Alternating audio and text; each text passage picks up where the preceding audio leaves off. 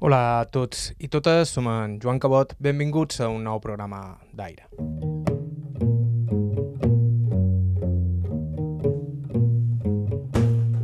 La història del boom turístic a les illes l'han contada desenes de vegades, sobretot des de l'òptica d'aquells habitants de Mallorca, Menorca o les Pitiuses que varen passar de l'economia de subsistència a unes expectatives de progrés inaudites i a una transformació impensable del nivell de vida. No tant, però, des de l'òptica dels forasters, d'aquella ingent força de treball arribada des de la península per aixecar hotels en qüestió de mesos, fer net, servir taules, domaletes o conduir taxis. Molts d'ells venien de terres tant o més pobres que les nostres i arribaven aquí a una edat ben tendra, tots sols, esperant el moment de poder fer venir la seva família per procurar-los una vida millor. Talment ara com abans. El nostre testimoni d'avui, Amparo Martín, va néixer a Càceres, Extremadura, a finals dels anys 40, en una família nombrosa i humil, amb un pare malalt que va morir quan ella només tenia 17 anys. Ella, tot coratge, es va fer càrrec de la família i va creuar el Mediterrani, aquella massa d'aigua per ella inconcebible, per posar-se a fer feina en una pensió de Porto Cristo i després en un hotel de Palma, ciutat on es casaria i formaria una família. El seu testimoni dona una idea dels somnis, espòs i les estrators que impulsaren aquella gent a abandonar les seves llars i viatjar tan lluny perseguint un futur. Avui, el viatge d'en Amparo serà també el nostre. Estau escoltant aire a IB3 Ràdio, vos parla Joan Cabot. Començam.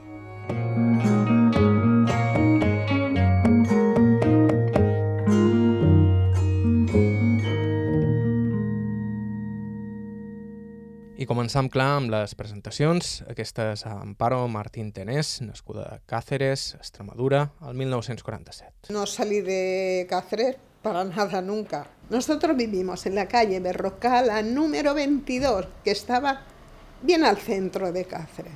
Y allí nací yo. Y nacieron pues todos mis hermanos, menos la pequeña, que la pequeña nació en el hospital provincial.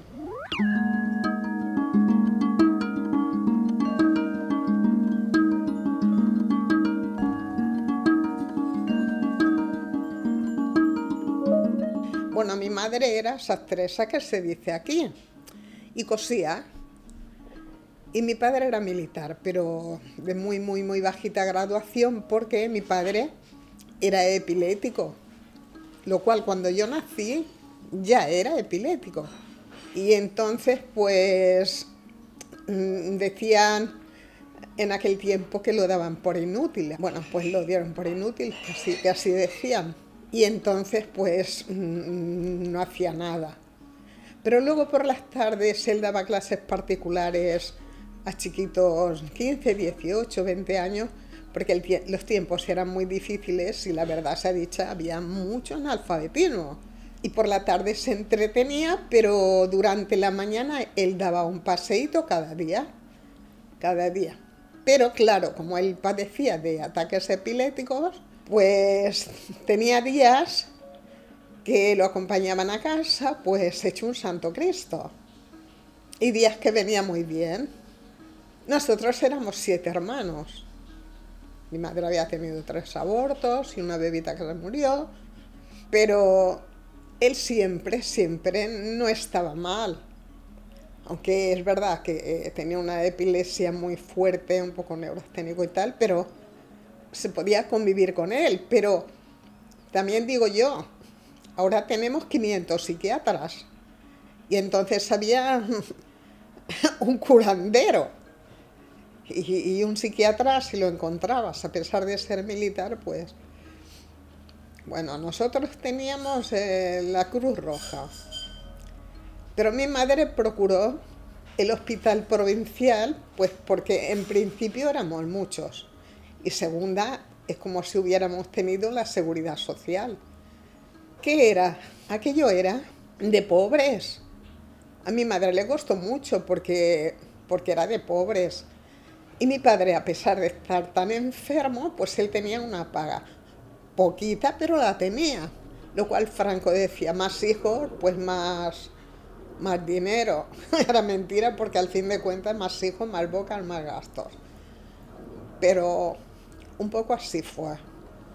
Son pare era militar, com ho eren tots els seus germans, en part perquè era l'única forma que havia trobat el padrí de Namparo de procurar una educació i un ofici als seus fills. La seva mort marcaria la vida de Namparo, que va haver de contribuir a partir d'aquell moment per sostenir la família plena de boques que alimentar. Ellos fueron diez hermanos en sí, porque el padre se casó dos veces y eran diez hermanos en sí. Y su padre tenía la costumbre de enviarlos al ejército, pero voluntarios. Y eran niños cuando los enviaba. Su padre era guardia civil de, de caballería y él también aprendió a leer solo leyendo periódicos y letreros y cosas de esas. Entonces él también tenía muchos hijos y de alguna manera tenía que darles un porvenir y los enviaba a Cáceres al ejército. Ellos sí eran de alta graduación, de muy alta graduación, capitán, coronel y tal, porque estaban sanos, les cogió la guerra de Marruecos, la del Sahara y tal, y, entonces resulta de que sí eran instruidos, pero eran instruidos todos así de la manera que yo digo, del el ejército, porque no es que tuvieran un colegio tal, un colegio cual, pero a ver, mi abuelo era de las Urdes. Sus hijos nacieron en las Urdes. Y era un tiempo muy difícil, muy difícil, muy difícil. Y él quería, pues, darles algo que les podía dar. Y el ejército. Asimismo tuvo uno que estudió magisterio. Pero visto lo visto, dio, asimismo, dio, dio escuela unos años en las Urdes y también tuvo bastantes hijos y pidió destino y lo enviaron a Valencia, Alcira. Y ahí se quedó también con sus hijos, pero sus hijos ya también tuvieron otra vida. Pero nosotros no nos podíamos mover, de, de Cáceres, en principio porque éramos muchos. Segunda, porque mi madre, mi madre cosía, pero pagar, pagaban nada. Porque ahora está el pretaporte, está todo aquello, y anda unos pantalones, un chaleco y tal, y te pagaban poco. Y claro, mi abuela vivió con nosotros siempre. Murió cuando yo tenía 12 años. Pero la verdad es que trabajar no había trabajo. Y él no podía hacer otra cosa, porque aún dando clases también le daban crisis, ¿eh? Yo recuerdo, pero con cuatro o cinco años, y yo soy la segunda, con cuatro o cinco años, mi hermano mayor se ponía en una pierna y yo en otra, y mi madre en medio, en, el cuerpo, porque tenía una crisis fuerte y nos tiraba por alto. O sea, él dominaba una fuerza impresionante. Luego le pasaba, ya está, decía que me ha pasado y tal. Si estaba, si dormía, seguía dormido y no pasaba nada. Pero esos principios eran fuertes. Bueno, los trabajos eran malos, eran malos. Las madres querían que, los hijos, que las hijas tuvieran un oficio. Y los hijos, si era posible, pues, pues una cultura y tal y una colocación. Yo, a mí me sabe mal decirlo, pero lo tengo que decir. Cáceres es muy elitista. ¿Por qué digo Cáceres? Porque es mi tierra, porque es donde yo he vivido. Entonces resulta de que a mí, a los 10 años se acababan las escuelas, ¿eh? Yo fui a una escuela nacional, católica, católica al 100%. A las 12 nos tenían, porque el pasillo era tan ancho como este, muy largo, ya nos tenían allá rezando el ángelus. Tiempo que perdíamos de clase. Que teníamos una maestra hoy, mañana la otra, una decía una cosa y la otra otra. Bueno, pues bien va. Que pegar pegaban, pues a lo mejor con un palo yo no lo he visto nunca, pero eso sí, te, ponían la cara mirando para otra parte si no acertabas aquello que ellas decían. Entonces sigo diciendo que sí, que los tiempos eran muy difíciles, porque había un comedor también. Pero como tu padre tiene un sueldo, no importa, vayas, vas a tu casa a comer. Bueno, pues nos íbamos a casa. Nos llevábamos un vasito, nos daban una poquita de leche americana, de aquella que se hacía, pero a comer cada día a casa. Y me puso a coser mi madre, porque a los 10 años se acababa el colegio. que he aprendido yo luego, lo he aprendido porque yo he tenido curiosidad y, he ido un sitio a otro, pero algo de costura sí que sea. Entonces resulta de que él salía cada mañana, pero una buena mañana, pues él falleció en la calle. ¿Por qué me enteré yo? Porque yo era la mayor, puesto que mi hermano, aún teniendo 18 meses más que yo, pues, pues igual no estaba en casa casi nunca. Y nosotros, yo era y soy muy amiga de la radio y de las noticias. Y, y cómo te has enterado, y como la vecina de al lado, y cómo te has enterado, y cómo... Pues cómo me voy a enterar, a las dos y media dan el parte de Radio Nacional. Sería de Cáceres, de Madrid o de España, porque yo tampoco no me enteraba de dónde era. Al acabar el parte, dicen en las inmediaciones del rodeo, que era un atajo que él cogía para venir a casa, se han encontrado un cadáver y ha sido identificado. Y se llamaba Jesús Martín Iglesias. Bueno, yo ya no dije, mm, ni llamé a nadie, ni a mi madre, ni a nadie. Yo salí corriendo, pero no me dejaron llegar. ¿eh? No, porque él lo conocía todo el mundo. Cáceres era muy pequeño. Cáceres lo que tiene ahora mismo es un ensanche impresionante. Pero era muy pequeño. Y no me dejaron llegar. Pero yo quería llegar a toda costa. Porque en aquel tiempo, mira, si era difícil que a los difuntos, o sea, las personas que morían en la calle, las cogía el camión de la basura y se los llevaba al cementerio. Y yo pensaba, se lo va a llevar el, camión de la basura, es que lo, lo tenía en mente. A lo mejor yo tenía una madurez tonta, pero una madurez que, que pensaba por el otro, no por mí. Bueno, pues no, no, no. Yo tenía una amiga, tres años más que yo, no, dos, tres. Pero el novio que tenía sí que tenía cinco más que ella. Y entonces resulta de que él trabajaba en las ambulancias. Y ella me llamó, porque me vio corriendo, Amparo, Amparo. Digo, no, no, no me puedo parar. Dice que sí, que Ángel ya ha recogido con el compañero a tu padre y se lo han llevado al cementerio, en la ambulancia. Yo ya me quedé tranquila. Esto era el 17 de diciembre. El 17 de diciembre, a las dos y media. Pero yo ya me quedé tranquila. Entonces, ¿qué ocurre? Ocurre que yo ya no podía ir a coser. Yo ya no podía hacer nada. Mi madre cosía y tal y cual. Había seis detrás. La pequeña tenía dos años. Dos años tenía que comer. Y la otra, y la otra, y la otra. Porque yo con la pequeña me llevaba 15. ¿Qué haces, Amparo?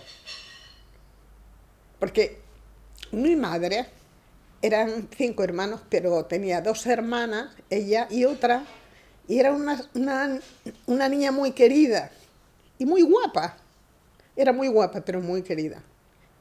Y pobre mía, fregar un plato tampoco era que supiera mucho, porque no era mujer de casa, no lo era. Ella cosía. Bueno, Amparo, ¿qué vas a hacer? Pues yo me puse a buscar trabajo. Primero me fui a un cine que daban dos funciones y entre y entre hacían bocadillos y me cogieron pues, dos meses, que me pagaban nada y, luego, ah, luego fui también a una casa que era una casa como una casa que vivía la familia, pero era un, un almacén, una tienda.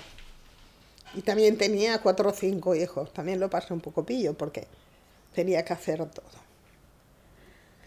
Y también me daban dos pesetas, y yo con dos pesetas, pero no, no dos pesetas de mi boca, no. Es que me daban a lo mejor 30 pesetas, 40 pesetas, y llevar a mi casa ese dinero no era dinero. Bueno, entonces me dijeron, mira, en el cuartel de la Policía Nacional necesitan una chica. Yo tenía 18 años. No había fregona, no había nada, nada, nada, nada. Tenías que fregar de rodillas. No es que no se llevaran los pantalones, que las mujeres con pantalones, al menos de la clase mía, no llevaban. Y tenía que hacer los y tenía que hacer tal. Mi madre vino, venía conmigo, yo le digo, ven conmigo, hacer los braseros. No estufas tampoco. Ponía picón a los braseros, sabía que dar un poquito de, de fuego para el día siguiente. Y por la mañana a las 7 venía conmigo y hacía los braseros. Y luego se iba. Bueno, pobre mía, ella llevaba una lata, una lata, lo tengo que decir porque porque es mi honra. Una lata, una lata grande, que no era un... Ahora no las he vuelto a ver aquellas latas. Y la traía. Entonces se iba a la carbonería y la, llegaba la llenaba de pico para el brasero de casa. Tate, que la cogen. Y yo digo, ¿y qué pasa? Le dije yo. ¿Y qué pasa si se lleva un poco de picón? Dice, no, es que la estamos observando y se lleva cada día porque cada día pone el brasero. Le dije yo. Bueno, la dejaron y siguió viniendo al barasero. Bueno, nada, que me daban 300 pesetas entonces, en el cuartel. Todo lo que había. Ahora hay una manada de, guardias de Policía Nacional jóvenes que, que, bueno, que da gusto verlos, porque se los ve limpio, lavado y aseado. Había una cantidad de guardias viejos, malolientes y tal. Amparo, has de aguantar que te van a dar 300 pesetas. Y eso no era todo, porque lo que yo quería era la seguridad social para mis hermanos y para mi madre. Porque la niña se pone con fiebre, porque el niño tiene tal cosa, porque tal. Entonces, pues tenías el médico, que ya digo, ¿eh? que para buscar un médico te veías negra. Vale. Me dice el teniente, mi mujer necesita, tenía también 3, 4 años más que yo, era muy joven de Salamanca. Mi mujer necesita para que la ayudes en casa y los niños. Digo, tate, yo creo que puedo subir. Si aquí acabo a la una o una y media, ya voy yo para arriba. Vivía en el último piso. Entonces yo subía para arriba y suerte de mí que tenía un niño de la edad del pequeño nuestro y una niña de la edad de la pequeña nuestra. Pues yo me traía la ropita que a ella no le hacía falta. Tenía ropita guardada, dice, ¿te va bien? Digo, uh, si me va bien, mejor que nunca. Y después, haciendo la comida, ella era de Salamanca. Pero mm, su padre, no tenía madre, pero su padre le enviaba sacos de garbanzos, sacos de lentejas, ¿me entiendes? Y antes de sacar la comida, dice, mira, ya he sacado para ti y me tenía cada día, cada día, cada día una, una fiambrera. Ya tenía comida y ropa para los pequeños, cada día. Eso no era tampoco un trabajo, porque entre las 300 del cuartel y 200 que me daba ella eran 500. También no es que fueran los tiempos difíciles, es que todo estaba caro, todo estaba mal. Y yo digo, ¿y con 500 pesetas qué hago yo en casa? ¿Cómo llevo 500 pesetas? Pues 500 pesetas tenía que llevar porque no tenía más, ni tiempo. Bueno, entonces resulta de que yo vivía en un tercer piso, porque eran unos bloques que había hecho el señor obispo para familias numerosas. Y, nosotros, y mi madre pidió uno y se lo dieron. Era una hipoteca. Eran 300 pesetas cada mes. Resulta de que 300 pesetas. Yo estaba en el tercer piso. Pero justamente yo no era la única de calamidades de aquel tiempo. Pero me había tocado a mí, me había tocado a mí y yo no pensaba con el, con el de al lado, no pensaba con el de al lado, pensaba conmigo.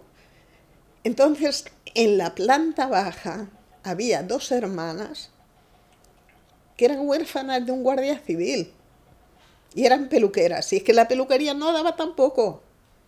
Bueno, Amparo, ¿cómo que vas al cuartel? Vente con nosotros, nosotros nos vamos a la Costa Brava. Nosotros hacemos la temporada, nos venimos, nos traemos el dinero. Porque total, en la Costa Brava, que te digo, nos dan comida, nos dan cama, es verdad. Daban comida, daban cama, te daban el sueldo Y, y en una palabra, los hoteles de antes no son los de ahora, eran familia. Rosy se llamava. I per què no te vienes? Lo diré en mi casa. Però no va arribar a dir-ho a casa seva. Abans es va aturar a les oficines del sindicat vertical i el seu destí es desviaria considerablement cap a Porto Cristo, Mallorca. En uns segons ens ho explica. Estau escoltant Aire i Vetres Ràdio, fem una breu pausa i continuem.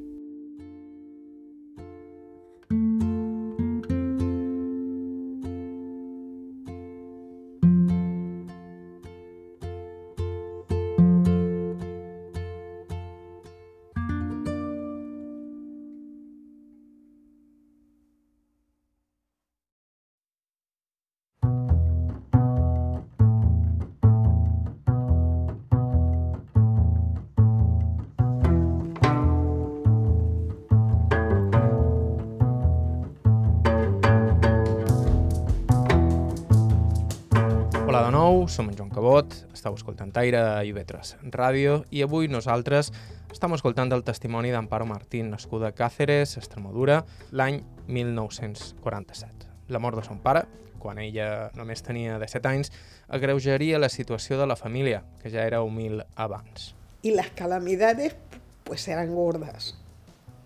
Gordas porque, porque en principio no había ni, ni para poner agua caliente. ¿De quién dependía todo? De mí. Mi hermano se había ido a Barcelona a buscar trabajo. Fue cuando murió mi padre. Y yo le dije por teléfono, donde trabajaba, que había muerto nuestro padre. Dice, yo no puedo ir porque no puedo pagar el tren. Digo, total, digo, si él está muerto, ¿para qué vas a venir ya? Tal cual. Digo, él está muerto, digo, él está en el cementerio. Digo, ¿para qué vas a venir? Pero la burocracia de aquel tiempo, a mi madre le detuvieron la paga seis meses. Durante seis meses no cobró. ¿Por qué? Pues porque se hacía así. No había más. Se hacía así. Y sí, eran tiempos muy difíciles porque el comer era de cada dia. Així que quan dues veïnades li varen proposar d'anar a la Costa Brava a treballar durant la temporada turística en un hotel, ella va decidir anar a dir-ho a casa seva, però no hi va arribar. Lo diré en mi casa, no. Solo había un sindicato, el sindicato vertical. Y antes de llegar a casa, me fui al sindicato vertical. Y había una señora allí muy estirada, ella que tampoco no sabía leer ni escribir, porque yo, a ver, no, no soy la más espabilada, pero es que eh, cuando hablas con una persona, tú dices, bueno, pues este no me... Y me dice, bueno, a ver, ¿dónde quieres ir? Digo, yo quiero a Cataluña, digo, a Cataluña, digo, lo más cerca que hasta el fin de semana yo me pueda ir a casa ver los míos y, y yo qué sé, el día libre. Ay, no, no, no, no, no, ahora no tenemos, tenemos hoteles de primera magnitud. Cuidado, que yo no sabía qué quería decir de primera magnitud. Digo, a ver dónde me va a meter. Porque yo era muy puritana y lo soy. Dice de primera magnitud. Dice, no está en Palma, está en Puerto Cristo. Dice, pero nosotros damos 300 pesetas para el viaje y 3.000 cada mes. 3.000 cada mes. Apúnteme. Apúnteme que me voy. Y me apuntó. Pero cuando llego a casa, dice mi madre, tú sola no te vas, se va tu hermana contigo. Y mi hermana tenía, si yo tenía 18, 19, mi hermana tenía también 18 meses menos que yo. Mi hermana salió llorando de Cáceres. Y cuando se paraba el autocar para bajar a hacer lo que fuera, es cuando se paraba de llorar o se quedaba dormida. No quería venir ni a tres tirones. No quería salir de su casa ni a tres tirones. Ella no quería, no quería, no quería. Pues déjame ir sola, les decía yo a mi madre, a mi madre no. Si bailas dos, bailas dos. Claro, nos dieron 300, 300 pesetas para el barco, eran 600. Tres para nosotros y tres para ti. 3.000, 6.000, tres para arreglarnos, porque ella pobrecita cogió anemia, se puso mala, eh, le salieron piojos porque era rubia y era guapísima, tenía un pelo precioso. Le salieron piojos, lo pasó mal, muy mal. Bueno, pues tres para allá, tres mil pesetas será dinero y tres para lo que pudiera pasar aquí. Y pobre mía, hace como 20 años o 25 que murió, no, o más, pero nunca estuvo contenta, nunca estuvo contenta porque ella no quería venir. Ah, tuvimos un problema fuerte. Vinimos en un autocar, el autocar, bien, porque subir a un autocar no nos costaba nada. Ahora cuando llegamos a Valencia, ¿cuánta agua? ¿Cuánta agua? A ver cómo vamos a irnos a Mallorca, porque no conocíamos Mallorca ni por el mapa, porque en la escuela nos enseñaban la geografía del mapa, pero no salíamos de ahí. Bueno, contando que salíamos a los 10 años. Bueno, ¿y cómo haremos? ¿Y cuánta agua? Y mi hermana, ya que venía llorando, ¿cuánta? ¿Cuánta agua? ¿Cuánta agua? Nos metemos en el barco. Agua, cielo, agua, cielo. Es que fue un trauma tan... Bueno, yo no sé nadar, ¿eh? ¡Que va, que va! Debía ser la primera vez que veíais el mar. El mar, Valencia, el autocar, la calle, yo qué sé. Si aquello fue tremendo. Ahora, cuando vimos el mar, era imposible que, viéramos tanta agua. Bueno, al final nos llevan al hotel de tantísima magnitud. Al final me enteré de que era un hotel de mucha categoría. La magnitud era categoría. Digo, Amparo, qué torpe eres y qué tonta. Nada, vamos a Puerto Cristo y ella era era pequeñita y tal. Pero ya digo, era muy guapa. Y dijeron, ella se irá para el comedor y tú te vas a las habitaciones. Y yo digo, vale. Un hotel que no existía. Era una pensión. Y se decía, lo digo porque lo tengo que decir, pero bien alto. Pensión El Río. Acabado siendo apartamentos. Pensión El Río. Bueno, dos baños para 22 habitaciones. Solamente estaba yo. El agua salía corriendo como si fuera... Yo tanta agua, ya no había visto nunca tanta agua, pero claro, entra un extranjero, sale otro, entra uno y sale otro. Y ella, la pobre mía, acababa reventada y se iba a dormir. Teníamos una litera para las dos, nos daban comida, nos regalaban, eran alemanes, nos regalaban algunas medias, y bueno, hay cosas así cosas así. Entonces resulta de que yo tenía una gobernanta que, que la verdad tenía muy mala uva la gobernanta, porque el marido se iba, el marido se iba a la lucha libre un día en semana a Palma. Y ella quería que yo fuera, ¿me entiende? No a la lucha libre con ella en semana, sino a los bailoteos que había por ahí abajo que no es que fueran friki, eran pendones, pero de orejas, porque hoy yo tengo 76 años y, lo veo. Bueno, pues tienes que fregar el pasillo de rodilla y que quede bien seco. Amén. Porque me decía que si me enviaba a mi tierra, iba a ir con una mala estampa mm, mm, de haber sido, pues, pues una prostituta o algo así. Y yo digo, no, hay que fregarse, friega. Y, y los baños siempre ocupados, porque claro, había dos nada más, 22 habitaciones. Y siempre igual, siempre igual, siempre igual, siempre. Y ella tenía una llave maestra y entraba en las habitaciones y por todo. A mí me han regalado muchas medias y tal. Allí no había medias ni nada, las medias se las llevaba ella. Y se llevaba todo. Pero no me importaba. Lo que sí me importaba es que a lo mejor eran las 5 o las 6 de la tarde y yo no había comido ni nada. ¿Por qué? Porque no había acabado. Es que no había acabado, porque había un palo con un trapo que te agachas, lo escurre, lo pone y te agachas. Pero no había fregón ni había nada. ¡Oh! ¡Qué rabia! Una niña cacereña que si mi padre hubiera sido vivo no estoy aquí porque él era un enamorado nuestro, nos quería tanto, es que nos quería mucho. Nosotros a él también. Pero es que estaba tan enfermo, tan enfermo que teníamos que ayudar de alguna manera. Y luego no es que tuviéramos que ayudar, es que tuvo un infarto. Hoy dicen es que ha sido un paro cardíaco y no sé cuánto. Tuvo un infarto. Aquella mort va marcar el destí d'en Amparo i en part el de la seva família, un destí lligat a Mallorca on acabarien anant a viure la seva mare i els germans més petits. En tot cas, aquells primers anys de vida aquí ella va tenir ben poc temps per conèixer l'illa, de tanta feina que feia. En Mallorca no la conocí hasta los siete, seis meses.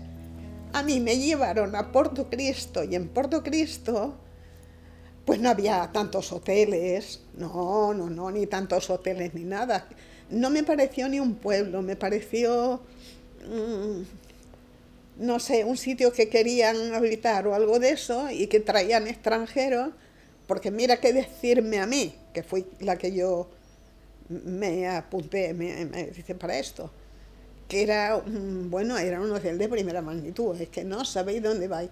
Y no estaba acabado, estaban los albañiles, nosotros quitamos lo de las obras, eso no entró. Y tenían que haberlo pagado, ¿eh? Pero bueno, amén. O sea que era, Puerto Cristo era un barrio. Hace 54 años que yo estoy casada.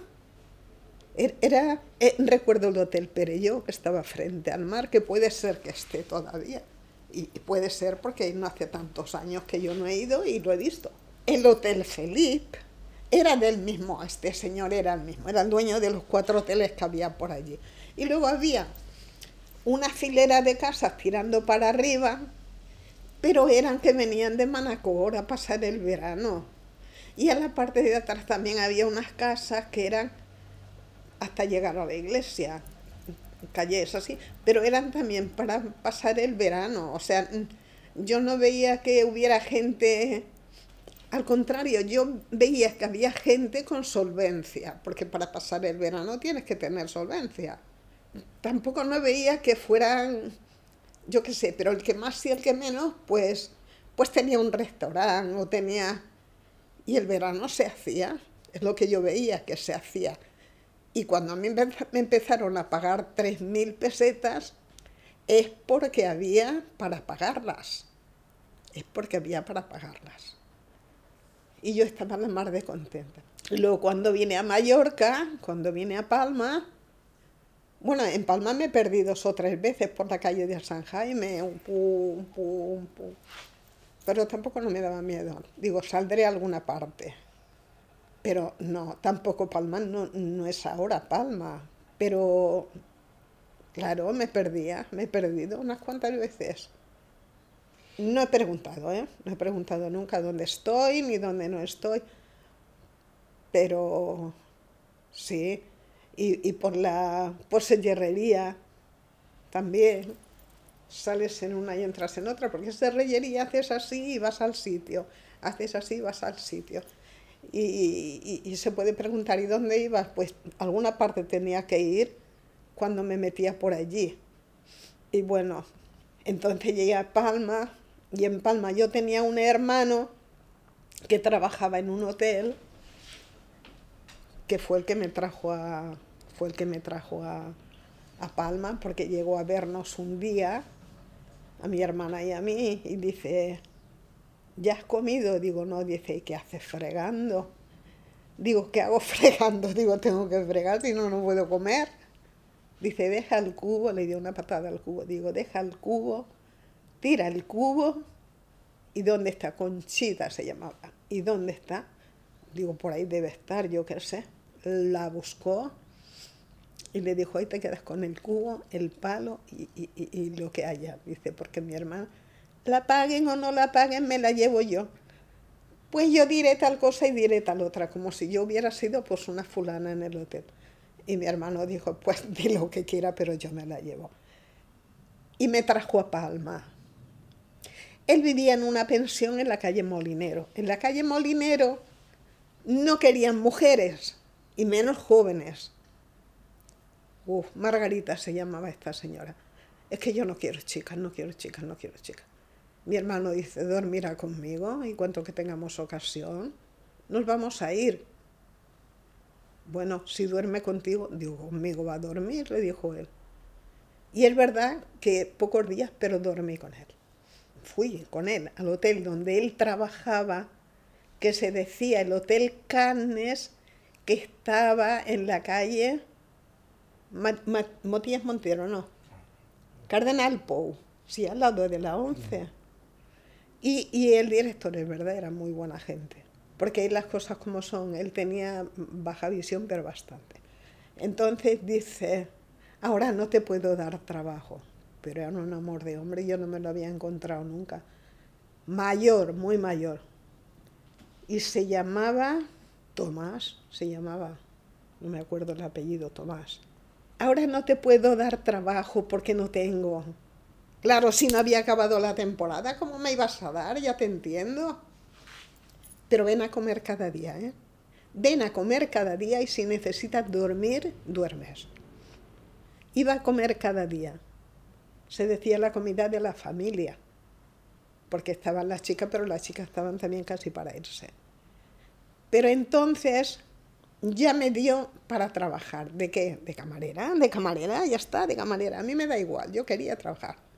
Entonces ya no cobraba 3.000 pesetas, ¿eh? Entonces cobraba bastante menos. A lo mejor 1.500 o algo así. Igual, yo tengo, quiero trabajar. Entonces resulta de que el dinero de mi hermano y el mío no bastaba para alquilar un piso en la calle de los Olmos. Y alquilamos un piso. Entonces ya no fuimos al piso, ya no estábamos en la calle Molinero. Y mi madre escribía cartas. Y le dijo, en noviembre, si vosotros no venís, pues yo me voy. Y un buen día llamó, llamó, escribió una carta, dice tal día voy, y venía con los dos niños, un niño de, la de, de cada mano y bolsas, yo qué sé qué traía.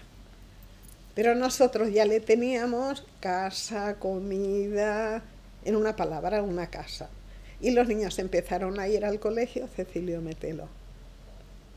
Y allí acabaron, pero no se acababa a los 10 años como en Cáceres, se acababa a los 14. En Cáceres a los 10 años y búscate la vida. La escuela mía no era como esta, la escuela mía era, bueno, la escuela mía era de Franco la escuela mía se rezaba, pero de día y de noche y por la tarde y por la mañana. Y cuando entrabas, si entrabas cinco minutos más tarde, tenías que entrar, dirigirte a la mesa donde estaba tu maestra y decirle, buenos días señora, ¿cómo está usted? O sea, hacerle la reverencia. Había otras normas. Bueno, aquí resulta que mis hermanas empezaron a ir al colegio. Pero yo me apunté al Francisco de Borjamol. En la calle Huerto hice un curso de dos años de auxiliar de clínica, que no vale, porque no vale, porque no es oficial. O sea, siempre he hecho cosas. Luego he ido a hacer punto mallorquín, luego O sea, ha sido una manera de querer, querer, querer hacer, porque lo que no había hecho tenía que hacerlo. Y si no, pues me había quedado como en un charco parada. Tot això dels cursos ja era quan estava casada i era mare. El seu marit el va conèixer a través del seu germà que tenia problemes de vista i feia feina amb un tal Domingo Bou que li llegia les cartes que rebia de Cáceres. En Domingo, a qui també vàrem entrevistar, era un home alt i ben plantat, fi d'un terratinent porrerenc. Mi hermano trabajaba con Domingo y Domingo trabajaba en el hotel de mi hermano, que era el encargado de la lavandería. le leía cartas de mi madre y leía todo. Nunca me dijo nada porque más hablador, menos hablador, él lo necesitaba y hablaba con él. Pero él fue a pagar la contribución a Manacor, la contribución de sus tierras y de sus cosas, de su padre. Y mi hermano le dijo, llévate un pollo, no te dio un pollo, un pollo te dio. Yo le dije, no sé ni para qué nos manda un pollo porque de comida estamos bien.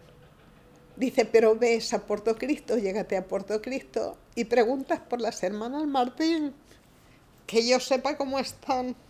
Ay, es que me emociono, no tengo pena, ¿eh? Y entonces yo le dije, pues yo soy una de ellas, digo, porque mi hermana acaba ha acabado el comedor y está reventada, está dormida, la llamo, no, no, no, no, no, no. No, y fue a mí que me conoció. Pero no es que se fijara en mí, Domingo, eh, cuidado. No, no, no, no, no. No.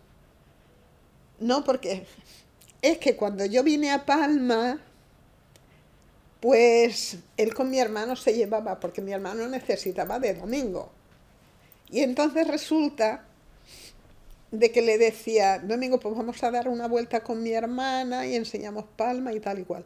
Pero cuando yo llegué a Palma ese día, digo, Domingo, ¿cómo estás? Como si me hubiera visto toda la vida, mentira podrida, si no se acordaba ni de mí. Fui yo la que me acordaba de él. Tengo que decirlo también, me cayó bien, Domingo, me cayó bien, porque yo tenía, yo tenía un, novio, una pareja, no sé, yo tenía un amigo en, en Puerto Cristo pero yo no sé guardar ausencia ni nada de eso, yo no lo sé, no lo sé. Entonces, yo vine a Palma, conocí a Domingo y este chico se fue a hacer la mili a Cartagena. Digo, ya está. Digo, ya metimos la pata.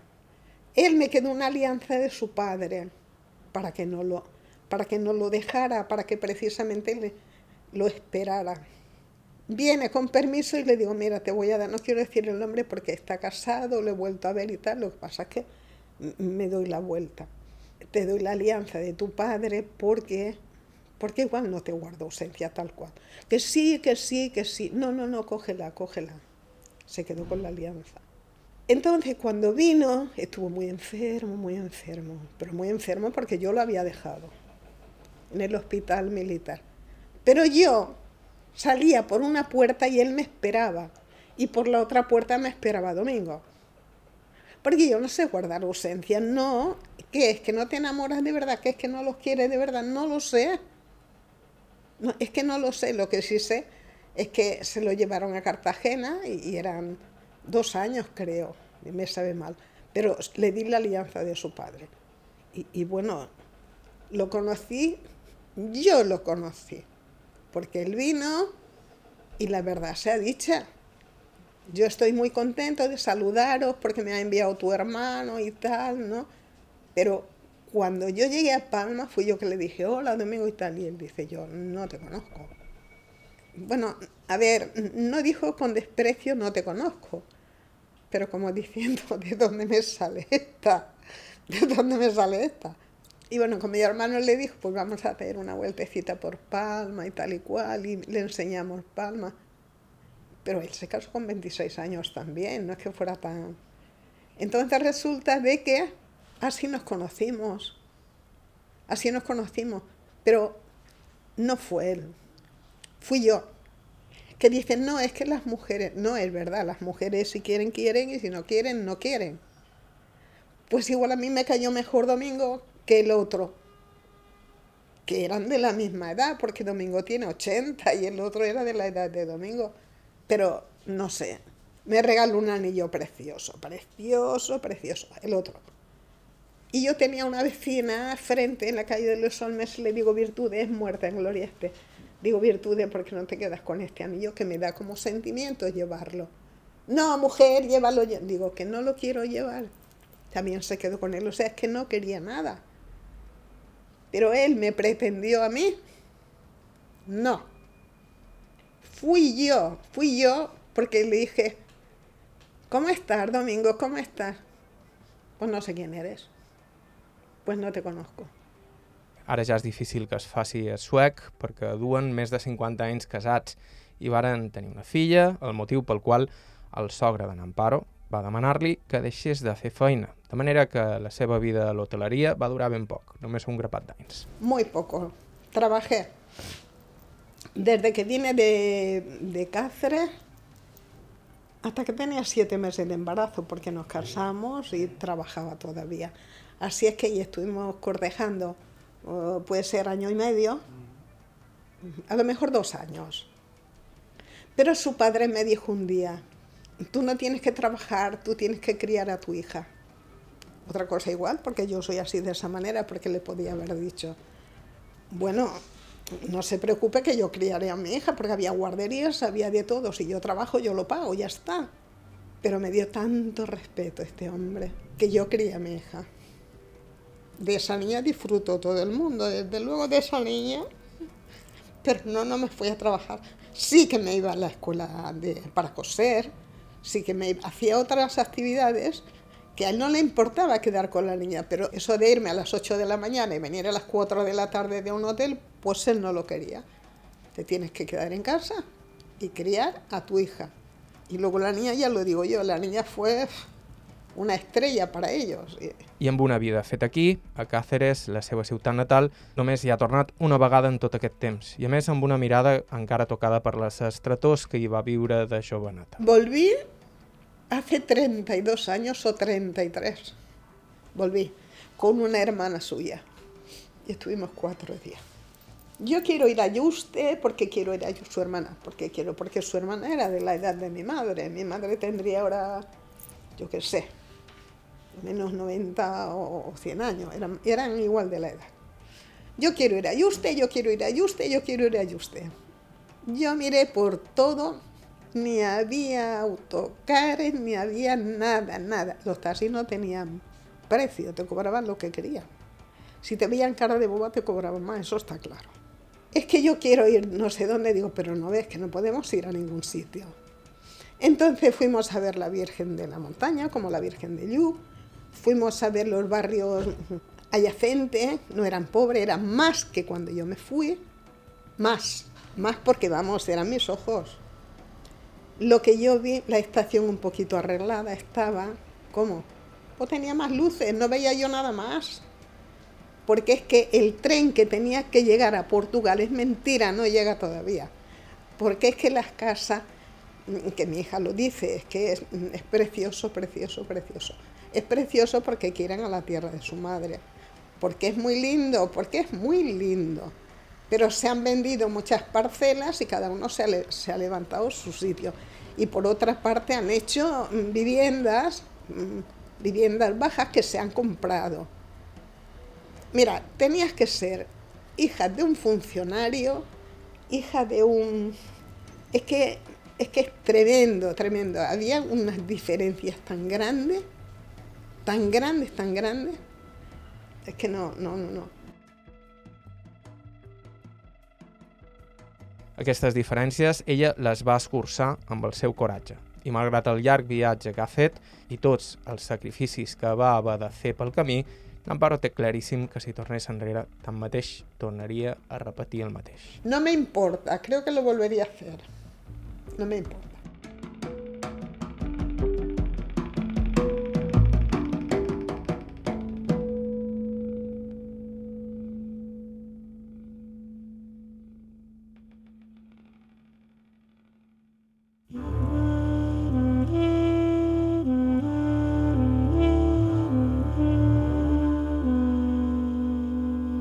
Fins aquí el programa d'avui. Moltíssimes gràcies a Amparo Martín Tenés pel seu testimoni i a la seva família per l'hospitalitat, també el seu net, Joan Bastard, que va ser qui ens va proposar l'entrevista. Si voleu fer el mateix, ens podeu escriure a aire.ivetresradio.com aire.ivetresradio.com Vos recordem que la millor manera de no perdre's cap dels nostres programes és subscriure's via podcast a qualsevol dels agregadors disponibles i que a ivetres.org barra carta hi trobareu tot el nostre arxiu. La música que feim servir habitualment és de Joshua Abrams, Marisa Anderson amb Jim White, Jaume Tugores, Oren Ambarchi amb Johan Berflink i Andreas Berlin i Charles Rumbach. Bàrbara Ferrer a la producció executiva, us ha parlat Joan Cabot, gràcies per ser a l'altre costat i fins la setmana que ve.